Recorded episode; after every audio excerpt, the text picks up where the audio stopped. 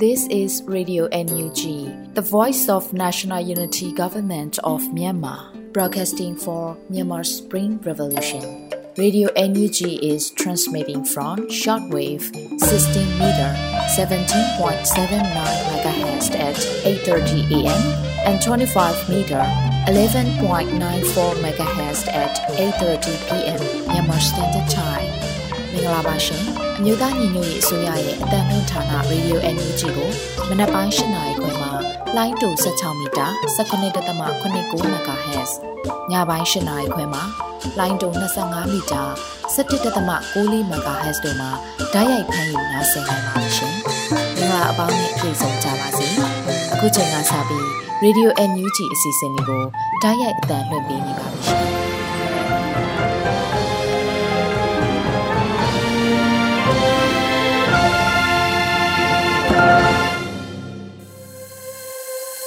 မြန်မာနိုင်ငံသူနိုင်ငံသားအပေါင်းတဘာဝဘေးဆီယနာရှင်ဘီတို့ကနေကင်းဝေးပြီးကိုစိနှစ်ပါးအေဂျင့်လုံခြုံကြပါစေလို့ Radio Energy ကဥစွာပထမနှုတ်ခွန်းဆက်တာအပ်ပါတယ်။ခုချိန်ကစပြီးပြည်တွင်သတင်းများကိုရန်နိုင်ကဖတ်ကြားတင်ပြပေးသွားပါမယ်ရှင်။မင်္ဂလာပါခင်ဗျာ။ခုချိန်စပြီး2023ခုနှစ်နိုဝင်ဘာလ10ရက်နေ့ညပိုင်းပြည်တွင်သတင်းများကိုတင်ဆက်ပေးပါတော့မယ်။ကျွန်တော်ကတော့ရန်နိုင်ပါ။ပထမဆုံးအနေနဲ့အိမ်ပြန်လန်းခရီးဟာနီးနေပြီဖြစ်တာကြောင့် ရှိသမျှအင်အားနဲ့အစွမ်းကုန်စ조사ကြဖို့ပြည်ထောင်စုဝန်ကြီးချုပ်တိုက်တွန်းပြောကြားတဲ့သတင်းကိုတင်ဆက်ပေးကြပါမယ်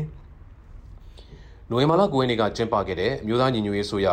ဂျားကာလာဒေသန္တရပြည်သူ့အုပ်ချုပ်ရေးဖော်ဆောင်မှုဘိုးကော်မတီစည်းဝေးမှာပြည်ထောင်စုဝန်ကြီးချုပ်မန်ဝင်းခိုင်တန်းကအခုလိုဆိုပါတယ်။ရှမ်းမြောက်ကတစ်တုံညာနှစ်ခွန်စစ်စင်ရေးတွေနဲ့ဂီနီဒေသကတစ်တစ်တုံညာခွန်စစ်စင်ရေးကိုကြည့်မယ်ဆိုရင်တချို့တရင်တွေဆိုရင်အားစိုက်ပြီးမတိုက်ခတ်ရပဲအလွယ်တကူသိမ်းနိုင်တာတချို့ဆိုတရင်လိုက်အလင်းဝင်လာတာတွေကိုတွေ့ရမှာဖြစ်ပါတယ်။ ဒါတွေကိုသုံးသပ်ကြည့်လိုက်မယ်ဆိုရင်ပြည်သူ့ຫນွေဦးတော်လှန်ရေးဟာဘလောက်ထိအားကောင်းနေပြီးစစ်ကောင်စီအနေနဲ့ဘလောက်ထိအင်အားကြီးနေနေပြီလဲဆိုတာကိုညဝါထင်ထင်တွေးကြလိမ့်မယ်လို့ထင်ပါတယ်။ဒါကြောင့်လာမယ့်ကာလများမှာတော့အိမ်ပြန်လန်းခီးဟာနီးနေပြီဖြစ်တဲ့အတွက်ကြောင့်ရှိသမျှအင်အားနဲ့အစွမ်းကုန်ကြိုးစားကြပါလို့တိုက်တွန်းသလိုပဲရှေ့လျှောက်ကျွန်တော်တို့ကော်မတီဟာအလုပ်တွေအင်မတန်များပြားတော့မှာဖြစ်တဲ့အတွက်အင်အားစစ်တွေမွေးထားကြဖို့လိုအပ်ပါတယ်လို့ဆိုပါတယ်။လက်ရှိမှာတော့အကြမ်းဖက်စစ်အုပ်စုဟာမြောက်ပိုင်းမဟာမိတ်ညီနောင်သုံးဖွဲ့ရဲ့တစ်တုံညာနှစ်ခွန်စစ်စင်ရေးအပြင် နိုဝင်ဘာလ9ရက်နေ့ကရင်ဒေသမဲဆဲမှစတင်လိုက်တဲ့တစ်တစ်တုံညာခွန်စစ်စင်ရေးကိုပါရင်ဆိုင်နေရတာဖြစ်ပါတယ်ခင်ဗျာ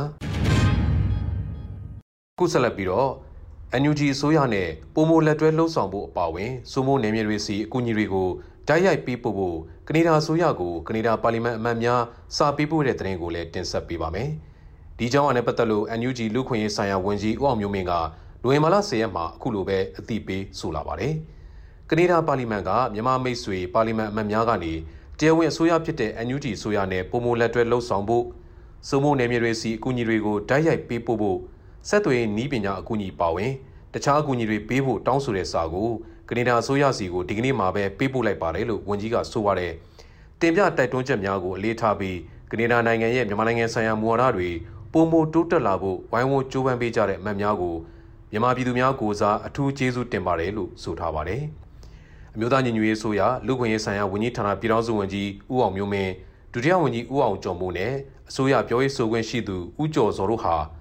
Parliamentarian Friends of Democratic Burma အဖွဲ့ရဲ့လွှတ်တော်အမတ်များအပါအဝင်မြန်မာရေးကိုတက်ကြွစွာလှုပ်ရှားနေတဲ့ကနေဒါလွှတ်တော်အမတ်များနဲ့အောက်တိုဘာလ25ရက်နေ့က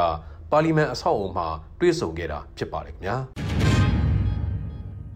ခုတစ်ခါမှာတော့အပြည်ပြည်ဆိုင်ရာတရားရုံးတရားသူကြီးနေရာများအတွက် ရွေးကောက်ပွဲကျင်းပရမှာတန်မတ်ဦးကျော်မိုးထွန်းပါဝင်မဲပေးခဲ့တဲ့သတင်းကိုလည်းတင်ဆက်ပေးပါောင်းမယ်။နိုဝင်ဘာလ9ရက်နေ့ကကျင်းပခဲ့တဲ့88ကြိမ်မြောက်ကုလသမဂ္ဂထရီညီလာခံမျက်နှာစုံညီစည်းဝေးမှာပြည်ပဆိုင်ရာတရားရုံးတရားသူကြီးနေရာများအတွက်ရွေးကောက်ပွဲကျင်းပပြုလုပ်ရမှာကုလသမဂ္ဂဆိုင်ရာမြန်မာအမြဲတမ်းကိုယ်စားလှယ်သံမတ်ကြီးဦးကျော်မိုးထွန်းကပါဝင်မဲပေးခဲ့တယ်လို့သိရှိရပါတယ်။နယ်သာလန်နိုင်ငံ The Hague မြို့ရှိအပြည်ပြည်ဆိုင်ရာတရားရုံး International Court of Justice ICJ မှာ လက်ရှိတာဝန်ထမ်းဆောင်လျက်ရှိတဲ့တရားသူကြီး15ဦးအနက် American ပြည်ထောင်စုမှ Judge Joan E. Donohue, Australia နိုင်ငံမှ Judge Hillary Charles Walt, Russia Federation နိုင်ငံမှ Judge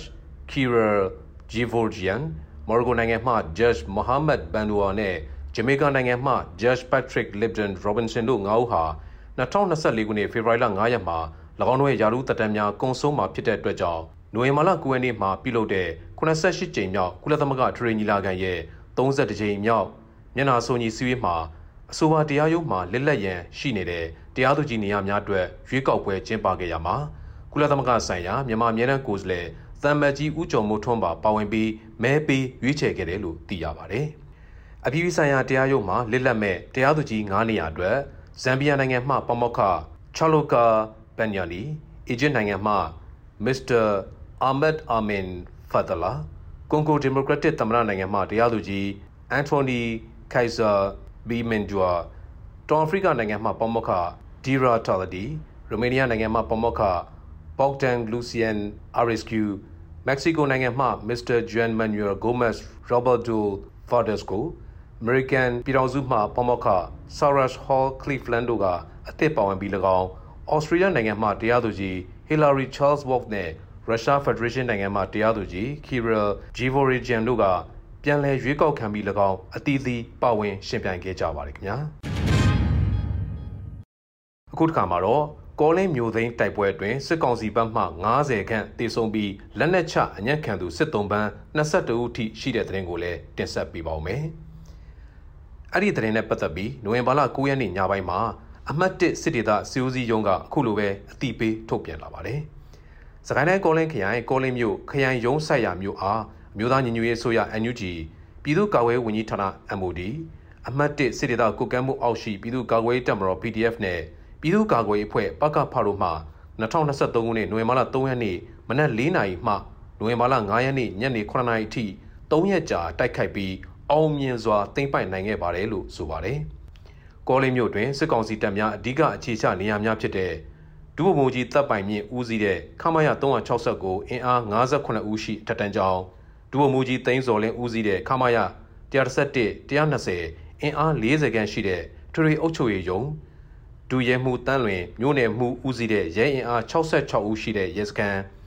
ရွှေနွယ်ဖြိုးလက်ဖက်ရည်ဆိုင်နဲ့မြေထားဘူတာတို့အားအမှတ်1စစ်ဒေသကုကဲမှုအောက်ရှိကောလင်းခရိုင်ကုကဲရေးယုံကောလင်းခရိုင်အမှတ်1 2တရင်စကိုင်းတိုင်းပကဖ ကောလင်းခရိုင်မြို့နယ်ပကဖနဲ့ Federal Wings ပူးပေါင်းအဖွဲ့တို့မှမြို့သိမ်းတိုက်ပွဲဖော်ဆောင်ခဲ့ခြင်းဖြစ်ပြီးဖြတ်တော်ရေးအနေနဲ့ကောလင်းခရိုင်အမှတ်3 4တရင်နဲ့ဝန်းသူမြို့နယ်ပကဖပူးပေါင်းအဖွဲ့တို့မှတောင်းယူဆောင်ခဲ့တယ်လို့ဆိုပါတယ်။အဲ့ဒီ၃ရက်ကြာတိုက်ပွဲတွင်စစ်ကောင်စီမှကောလင်းမြို့သို့တထဦးကတက်လာတဲ့ဂျက်တိုက်လေယာဉ်နဲ့ကမ်လူမြို့တက္ကရ6006ကတက်လာတဲ့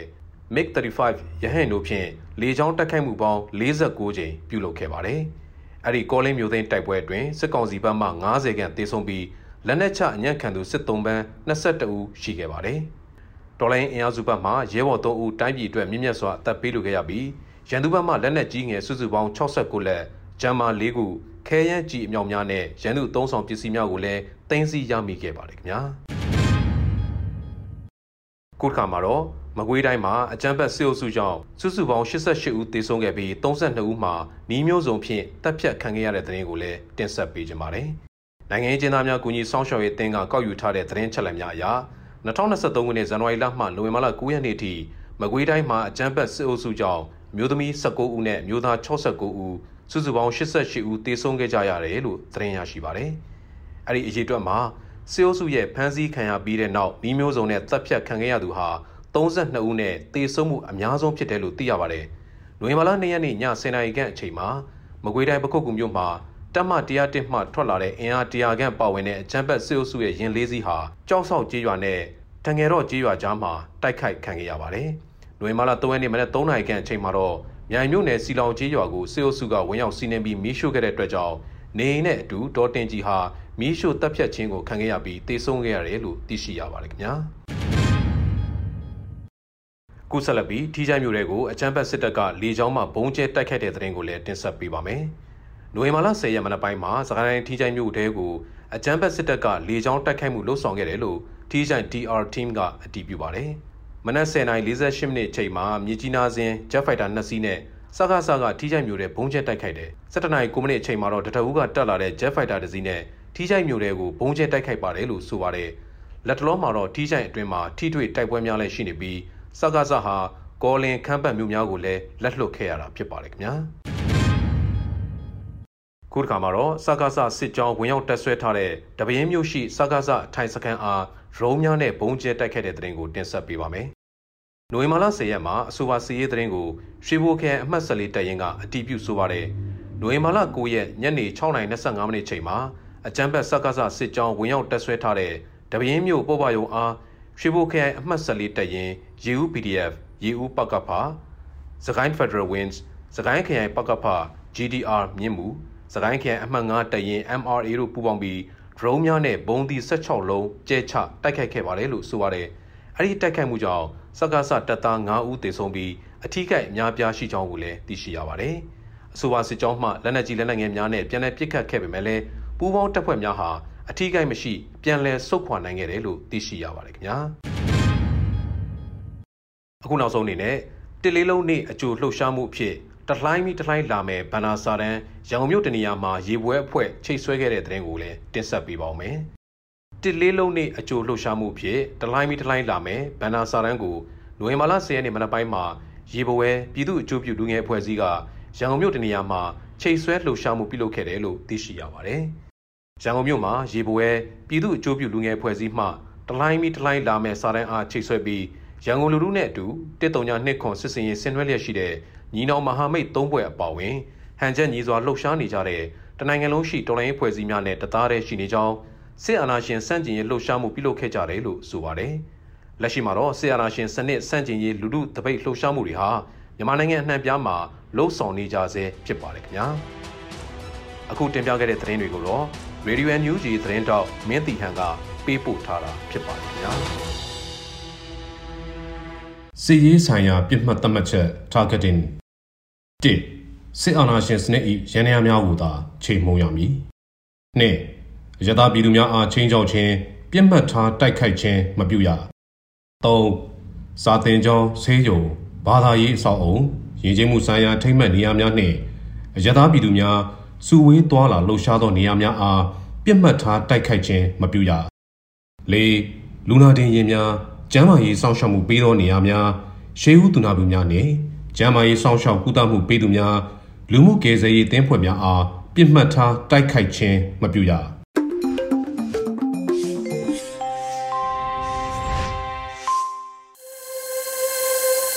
ခုဆက်လက်ပြီးနားဆင်ကြရမယ် Radio Energy မျက်မှောက်ရေးစကားတဲ့အစီအစဉ်မှာတော့သမနာယုံပြောရေးဆိုခွင့်ရှိသူဦးကျော်စောရဲ့နိုင်ငံတကာမိတ်ဆွေများနဲ့ဆွေးနွေးပြောကြားချက်ကိုနားဆင်ကြရပါမယ်ရှင်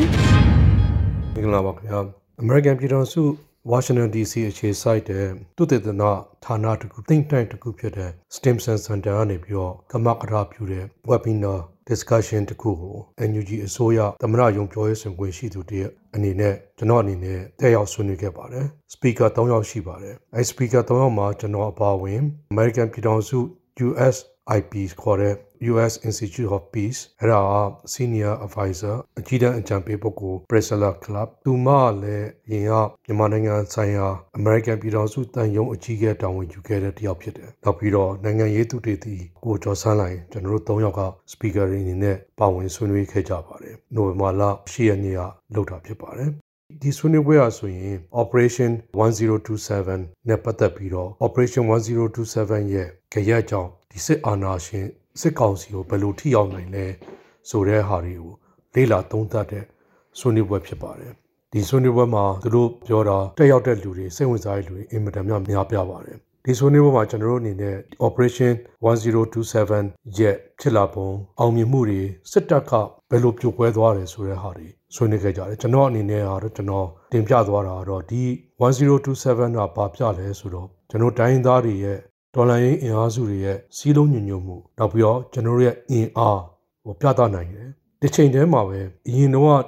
လူတွေတော်တော်များထင်ခဲ့တဲ့စစ်တပ်ကဘယ်တော့မှမပြိုကွဲဘူးဗမာနိုင်ငံမှာအင်အားအကောင်းဆုံးအဖွဲ့အစည်းဆိုတဲ့ဟာစိတ်ဆွဲနေတဲ့လူတွေကိုပြသလိုက်တဲ့စစ်တပ်သည်အင်မတန်မှအင်အားချိနဲ့နေတဲ့အဖွဲ့အစည်းတစ်ခုသာဖြစ်တော့တယ်ပြိုကွဲနေပြီဆိုတဲ့ဟာပြသနေတယ်ဆိုတဲ့ဟာလည်းကျွန်တော်ထည့်ပြီးပြောပြခဲ့ပါတယ် နောက်ဒီ operation 1027နဲ့နောက်ဇက်တိုက်ပေါ်နေတဲ့မြန်မာနိုင်ငံမှာထိုးစစ်တွေပေါ့နော်ဒီချမ်းပြည်နယ်မြောက်ပိုင်းတစ်ခုတည်းတွေမကပါဘူးကချင်ပြည်နယ်စကိုင်းတိုင်းကရင်ပြည်နယ်ကရင်ပြည်နယ်တနင်္သာရီတိုင်းချင်းပြည်နယ်မကွေးတိုင်းအစရှိတဲ့နေရာအနှံ့ပြားမှာစစ်ကောင်စီကိုထိုးနှက်ဝိုင်းဝန်းပြီးတော့ပူးထွဲတိုက်ပွဲတွေဝင်ဖော်ဆောင်နေကြတာဖြစ်ပါတယ်မြို့သိမ်းတိုက်ပွဲတွေအမြောက်မြောက်ကိုဖော်ဆောင်သွားပြီးတော့အခုဆိုရင်မြို့ပေါင်း10မြို့ကျော်သိမ်းပိုက်ထားနိုင်ပြီဖြစ်တယ် ဒီသခိုင်းတိုင်းမှာဆိုရင်ခေါ်လင်းခရိုင်ခရိုင်မြို့အဆင့်ရှိတဲ့မြို့ကိုလည်းကျွန်တော်တို့ဒေါ်လာရင်းအင်အားစုတွေထိန်းချုပ်အုပ်ချုပ်နိုင်ပြီဖြစ်ပါတယ်ဒီဟာဘာပြလဲဆိုတော့ Operation 1027ဟာ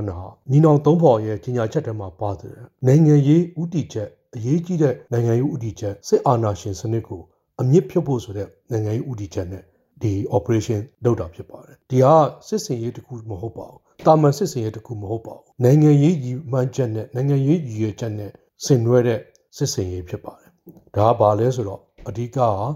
မြန်မာနိုင်ငံမှာမြန်မာတိုင်းရင်းသားပြည်သူလူထုတွေအကုန်လုံးလိုချင်တဲ့ဘုံကြီးမှန်းချက်ဖြစ်တဲ့စစ်အာဏာရှင်စနစ်ကိုအမြင့်ဖြုတ်ဖို့အတွက်တိုက်ပွဲဝင်တဲ့စစ်စင်ရေးဖြစ်တယ်ဒီကျွန်တော်တို့မြန်မာနိုင်ငံမှာစစ်အာဏာရှင်ဒီစစ်ကောင်စီကြောင့်မတည်မငြိမ်မှုတွေဖြစ်နေတယ်အကြမ်းဖက်မှုတွေဖြစ်နေတယ်ဒီစစ်ကောင်စီကြောင့်ဒီနယ်စပ်ဒေသတွေမှာဒီ international transnational crime တွေ online scam တွေကြားဖြတ်လို့ခေါ်တဲ့ online scam တွေဖြစ်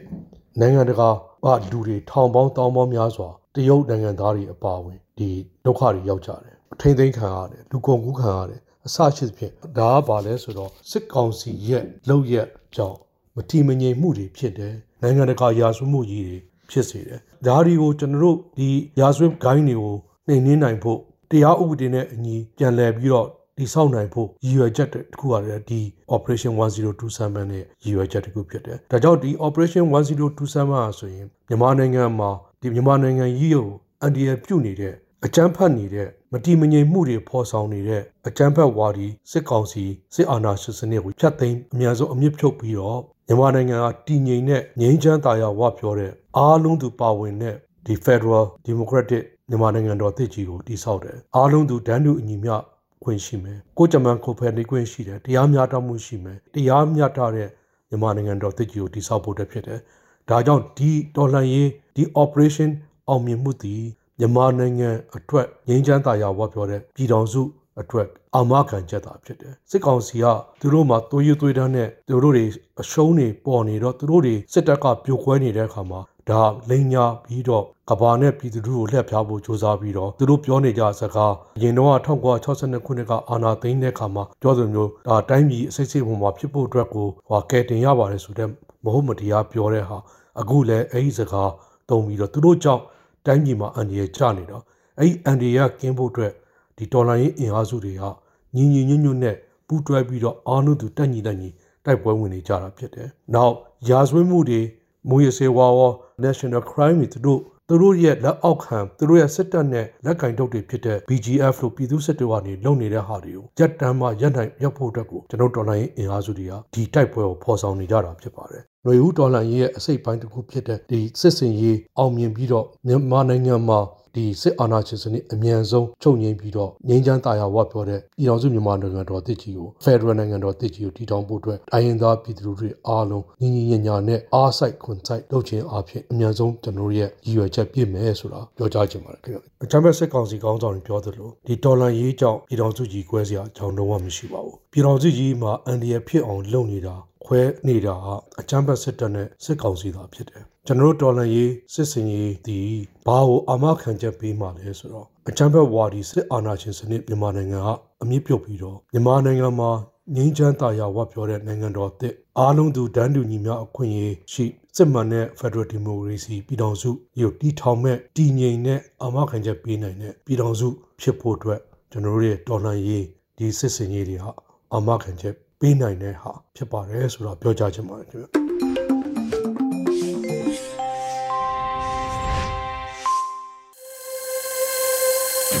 ဆက်လက်ပြီးအောင်နေမျိုးတင်ဆက်ထားတဲ့တက်ပြက်သွားပြီးဖို့တက်ပူရဲ့ပိုင်းဆက်လေးကိုနားဆင်ကြရပါမယ်ရှင်။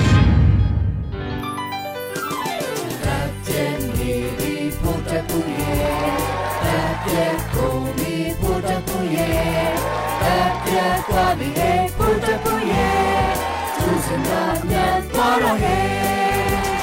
တက်ပြက်နေပြီတက်ပြက်ကုန်ပြီတက်ပြက်သွားပြီဖို့တက်ပူရဲ့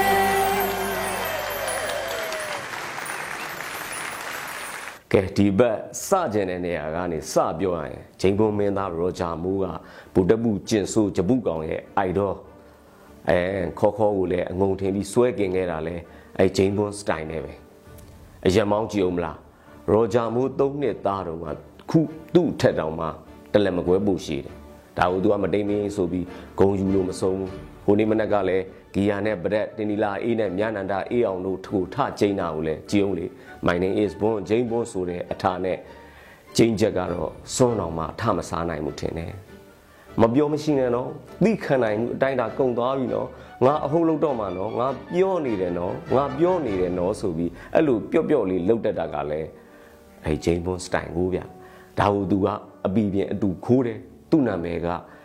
ရောဂျာဆူဒါပေမဲ့ စခန်းရာကျော်ကိုတပတ်အတွင်းနေမြင်ညပြောက်စမုံတုံးကုန်လို့အကုန်ဆုံးသွားလို့မို့ရာကျော်ဆိုးလို့ခေါ်တာအဲ့ဒါကိုသူကမကြိုက်ဘူး bloody fool မြန်မာစံလုံးနယ်ဆိုပြီးတော့ရောဂျာဆိုးဆိုပြီးသူ့အိုက်တော့ရောဂျာမိုးအထင်နဲ့ဘဝင်ကြနေခဲ့တာဒါပဲဇလန်က2023ခုနှစ်အောက်တိုဘာလ29ရက်နေ့ကစပြီးမြန်မာပြည်အနှံ့ယုံတင်ပြသလျက်ရှိပြီးဝက်ဝက်ကွယ်အောင်ပွဲခံနေတဲ့ operation 1027စကားကြီးရဲ့အဓိကသေရုပ်ဆောင် James Bond မင်းသား Roger So ရဲ့ဘဝနောက်ခံနေဝင်ခြင်းအထုပ်ပတ်တိအကျဉ်းကိုဂလောက်ဆိုလို့ရှိရင်အောင်နှလုံးသားယွန်ရှာစွာကြည့်ရှုအားရနေကြကုန်သောရွှေပွဲလာပိတ်တဲ့ဆောဝါချာမေးလေးပြီးထင်ပါတယ်။ကဲရောဂျာဆိုးရဲ့လက်တလောလှုပ်ရှားမှုလေးတွေဘက်ကိုလည်းဆက်ကြရအောင်။အဲချိန်လုံးမင်းသား PPE ဘလောက်အခြေအနေစိုးစိုးစခန်းတွေဘလောက်ပဲကုံဆုံးဆုံးသူက အပြုံးမပြတ်ဘူး။ community လက်ကိုဆွဲလို့တရားသမားဘုံကထိန်ပွဲကြီးကိုတော့မှဒီကနေ့ဝှီချင်းနဲ့ကျင်းပလို့ကျင်းပနေတယ်။မတော်တာအကုန်ခုခံရောဂျာဆိုးနဲ့ရှက်ကော်မနီတို့ကိုအမှုထား၍ဖျားတလိပ်ဦးစီးချုပ်ယုံကြီးရည်သေးမိသားစုများတရားသမားအကျိန်ဘုံကထိန်ပွဲတယ်ဗျာတရားသမားဆိုတာက73ချိန်မြောက်ရောဂျာဆိုးအတွက်ကတော့တရားသမားသေရွာကိုသာကြွဆိုတဲ့အတိတ်နမိတ်ပဲဗျာအောက်ခြေကသူ့ရဲဘော်တွေဒွတ်နေတာကတော့ရင်နာစရာပဲဗျာ နေနေညံ့ညောင်ပြေးပေါင်းမှအကုန်ဂိမ်းနေချိန်မှာရောဂျာဆိုးဘူတက်ပုတယောက်ကတော့ဘုံကထိန်လို့လို့မရှိမဲ့ရှိမဲ့လစာတွေကဖြက်လှူရမော်ဖူးရစင်မြေပြင်မှာကြောက်ဆုပ်စုပ်နေရပါတယ်ဆိုမှတောက်လုတ်ကအတော်ရှုံနေတဲ့ကောင်းအဲ့လိုကောင်အတွက်အသက်ပေးနေရတာတန်ရလားလို့မေးခွန်းထုတ်เสียတောင်လိုအပ်မယ်မထင်တော့အခုတော့အသက်လည်းဆုံးပြည်သူလည်းမုံလူဖြစ်ကလည်းရှုံးဆိုပြီးတွေးရเสียတောင်မရှိတော့ အခုဆိုသူ့ထောက်ခံသူတွေရှိစုမဲစုလေးတွေကပါသူ့ကိုပြန်ဆဲကုန်ကြတယ်အရက်ဘူးလို့မဖြုတ်ရဲတာလားထီတောင်မေးကုန်ကြတယ်တတိတမန်စင်ညံလေးနဲ့နည်းနည်းရှင်ပြီးအတွေးတစ်ချက်လှက်ကနေဖြစ်ဖို့တော့လိုလာတယ်ပြည်သူစာယာကြည်နူးစရာပေါ့ဗျာဒေါ်လာလိုင်းတွေကလည်းရှေ့လျှောက်ပို့လို့သာတူပြည်သူတကူနဲ့အစတွေတိုးဖို့သာရှိတော့တယ်လေချောင်းအားကိုနေရတဲ့ရောဂျာဆိုးကလည်းဒီပုံတိုင်းဆိုမကြခင်ဂိတ်ဆုံးတော့မယ်လင်းမြန်တွေဘလို့များများလင်းရင်စီမရှိရင် ဘာမှမတတ်နိုင်ဘူးလင်းစီရှိလဲမြေပြင်ကိုထိထိရောက်ရောက်မစိုးမိုးနိုင်တာလဲလက်တွေ့ကြည့်လေချောင်းထောက်ဖို့တွေကလည်းဒီရက်ပိုင်းမှာ free delivery နဲ့ဒိုးဘက်မှာပို့နေသလားတော့အောင်းမေးရတယ်ဟိုနေ့ညလေးတင်လာရှိုးမိုင်းကြောက်စကန်းတွေမှာလာပို့တဲ့ခဲရန်တစ်တာငါးလုံးတင်နီလာအေးကဖြတ်ဝုံးလိုက်ပြီးတော့ပြုံပြုံကြီးတောင်လုံနေလေရဲ့ဗျာနေတိုင်းသာအခုနှုံးတဲ့တနိုင်ငံလုံးပတ်ကျဲနေရရင်အရန်စီခံလာလာပိုင်းပဲတညမှာချက်နိုင်ပြီး မန်းတံမယာကံမှာပြန်ချက်နေပါပြီဆိုတာတွေကအလကားအယူပြောအယူယုံမှာပဲတကယ်ကိုပဲလကားပဲတက်တွင်းမူဒီပေးယုံအဆင့်ထဲကမပူဘူးတညမှာချက်နိုင်ဖို့ဝေးလို့စက်ယုံတွေကပိုက်လိုင်းတွေတောင်မှအင်္ဂါမစုံတော့တာကြားလှနေပြီမန်တမယာကန်လဲထိုနီး၎င်းပဲပြန်ချက်တဲ့အဆင့်ရောက်ဖို့လိုက်ရမယ်ပြင်ဒင်းက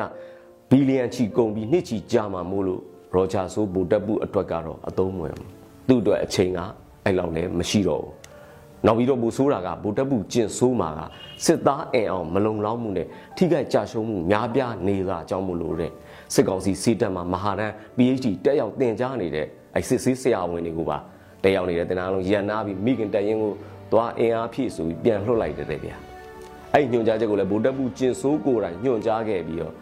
စေးပညာသင်ရမယ့်အချိန်မဟုတ်ဘူးစစ်တိုက်ဖို့လူလိုနေတဲ့အချိန်ဒါကြောင့်မို့လို့ဆိုပြီးပြောဆိုရန်ထောင်ပြီးတော့အဲ့မှာ စစ်ဆေးဆရာဝန်အကြီးတန်းအရာရှိတွေကိုပါယခုတိုက်ပွဲတွေဖြစ်နေတဲ့ရှမ်းပြည်မြောက်ပိုင်းနန်းခမ်းလာရှိုးအထူးစစ်စင်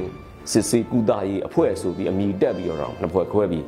စေလွတ်သေးရပို့လိုက်တယ်ဗျာဗုဒ္ဓဘူးကျင်ဆိုးဆိုတဲ့သူကငဟုကလေးကအငုံစိတ်ရှိသူပြီးပြီးသူကြောင်းဆင်းလာတဲ့စစ်တပ်က DSA ကြောင်းဆင်းများဟူတာဦးစားပေးပြီးဆက်ဆံလေးရှိတယ်တဲ့အခြားစစ်တပ်ကတင်နန်းစင်းတွေဖြစ်တဲ့ DSDA တို့ DSMA တို့အဲ အဲ့လိုအစားရှိတဲ့လက်ရုံတဲ့အရာရှိများဆိုခွဲခြားနှိမ့်ဆက်ဆက်ဆံလေးရှိတဲ့ကဒါသူတို့တက်တွင်းတွေကအချင်းချင်းမကျေနပ်မှုတွေပွင့်ချလာတဲ့အတန်တွေပဲဗျာဒါတွေကပြည်သူတွေသတိထားမိဖို့ထည့်ပြောရတာပါအခုသူကတခါလဲလာပြန်ပြီပြောရရင်ဗိုလ်တပ်ဘူးကဂျိမ်းစ်ဘွန်ကမရိုက်ချင်တော့ပြန်ဘူးတဲ့ဒရမာတက်တက်လိုင်းပြောင်းသွားပြီသင်ဝမော်ဦးမှာလက်ကားရခြေကားရနဲ့တမင်ကားတဲ့ကားတိုက်တန်းရှုံးဆိုတဲ့ဇကားသင်မော်ကြီးလည်းမြုံမင်းသားလည်း သေးအဲအဲ့ဇကားအဲ့ကားထဲမှာမှအဲ့ကားတွေကအတိုင်းပဲတရံလို့သေယုတ်တူသူ့ဘဝကိုယ်တိုင်ကတိုက်တန်းရှုံးမင်းသားလီယိုနာဒိုဆိုပြီးအမိခံထားတာဘယ်ဇက်ရုပ်ပဲဖြစ်ဖြစ်အပိုလိုမရှိ quest ကြအောင်ကိုသေယုတ်ဆောင်နိုင်တဲ့သူတိုက်တန်းရှုံးတိုက်တန်းရှုံးဇက်ကားကလည်းသူ့ရဲ့နောက်ဆုံးကားဖြစ်တော့မှာပဲအဲ့တော့ຫນွေပွဲလာပေးသက်ကြီးလက်ခုပ်လက်ဝါးတီးပြီးတော့ဟီးထအောင်တာအားပေးကြပါအောင်စို့ဇလန်ဆိုင်ကလည်းဖြစ်ရမှန်ဆိုတော့ပြောစရာမရှိ ကိုနေမနက်ကခင်ကနန်းခမ်းရဲစခန်းသိမ်းလိုက်နိုင်တာလားကြည်ကောလင်းရဲစခန်းကိုကြည့်ညနေသိမ်းအဲနောက်နေ့ထွေဦးရုံသိမ်းနိုင်ပြီးတော့တော်လန်ရေးအလံကိုတက်ချိတ်နိုင်ခဲ့တာကြည်တော့ကောလင်းဆိုတာကခရိုင်မျိုးပေါ့ဆော့ကြော်စော်မျိုးမဟုတ်ဘူးဘျူဟာမြောက်မီးရထားလန်းစိုးမိုးထားတဲ့မြို့ပထမဦးဆုံး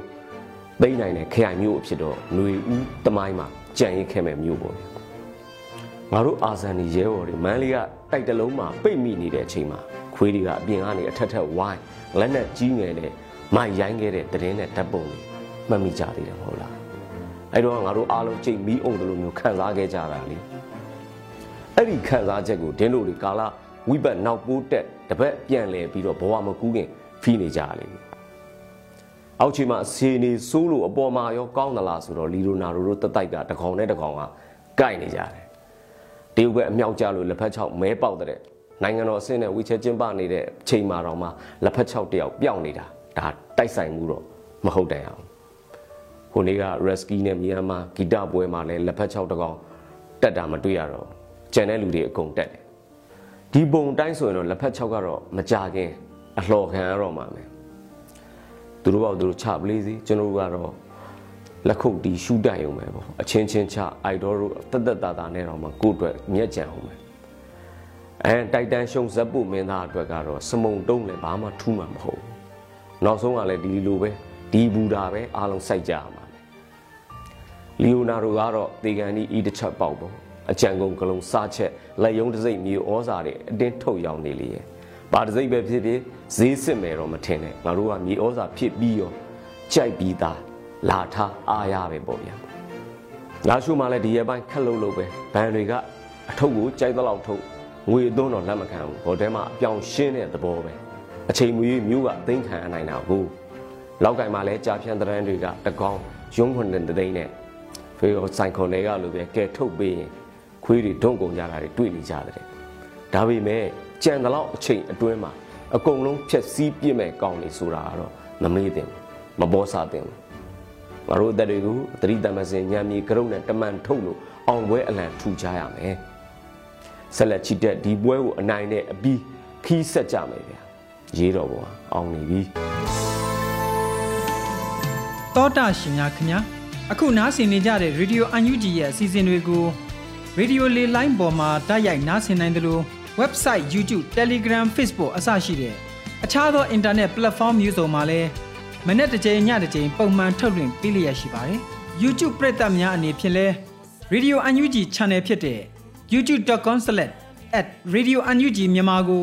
ဝင်ရောက် subscribe လုပ်ထားပြီးတော်လိုင်းရစ်တွက်ထပ်ဖို့ဝင်ငွေများကိုတစ်ဖက်တစ်လမ်းကနေပါဝင်ကူညီနိုင်တဲ့အကြောင်းအသိပေးတင်ပြအပ်ပါတယ်ခင်ဗျာ ဒီကနေ့ကတော့ဒီညနဲ့ပဲ Radio NUG ရဲ့အစီအစဉ်လေးကိုခਿੱတရနာလိုက်ပါမယ်ရှင်မြမစံတော်ချိန်မနက်၈နာရီခွဲနဲ့ည၈နာရီခွဲအချိန်တွေမှာပြန်လည်ဆုံတွေ့ကြပါစို့ Radio NUG ကိုမနက်ပိုင်း၈နာရီခွဲမှာလိုင်းတူ16မီတာ19.8 MHz ညပိုင်း၈နာရီခွဲမှာ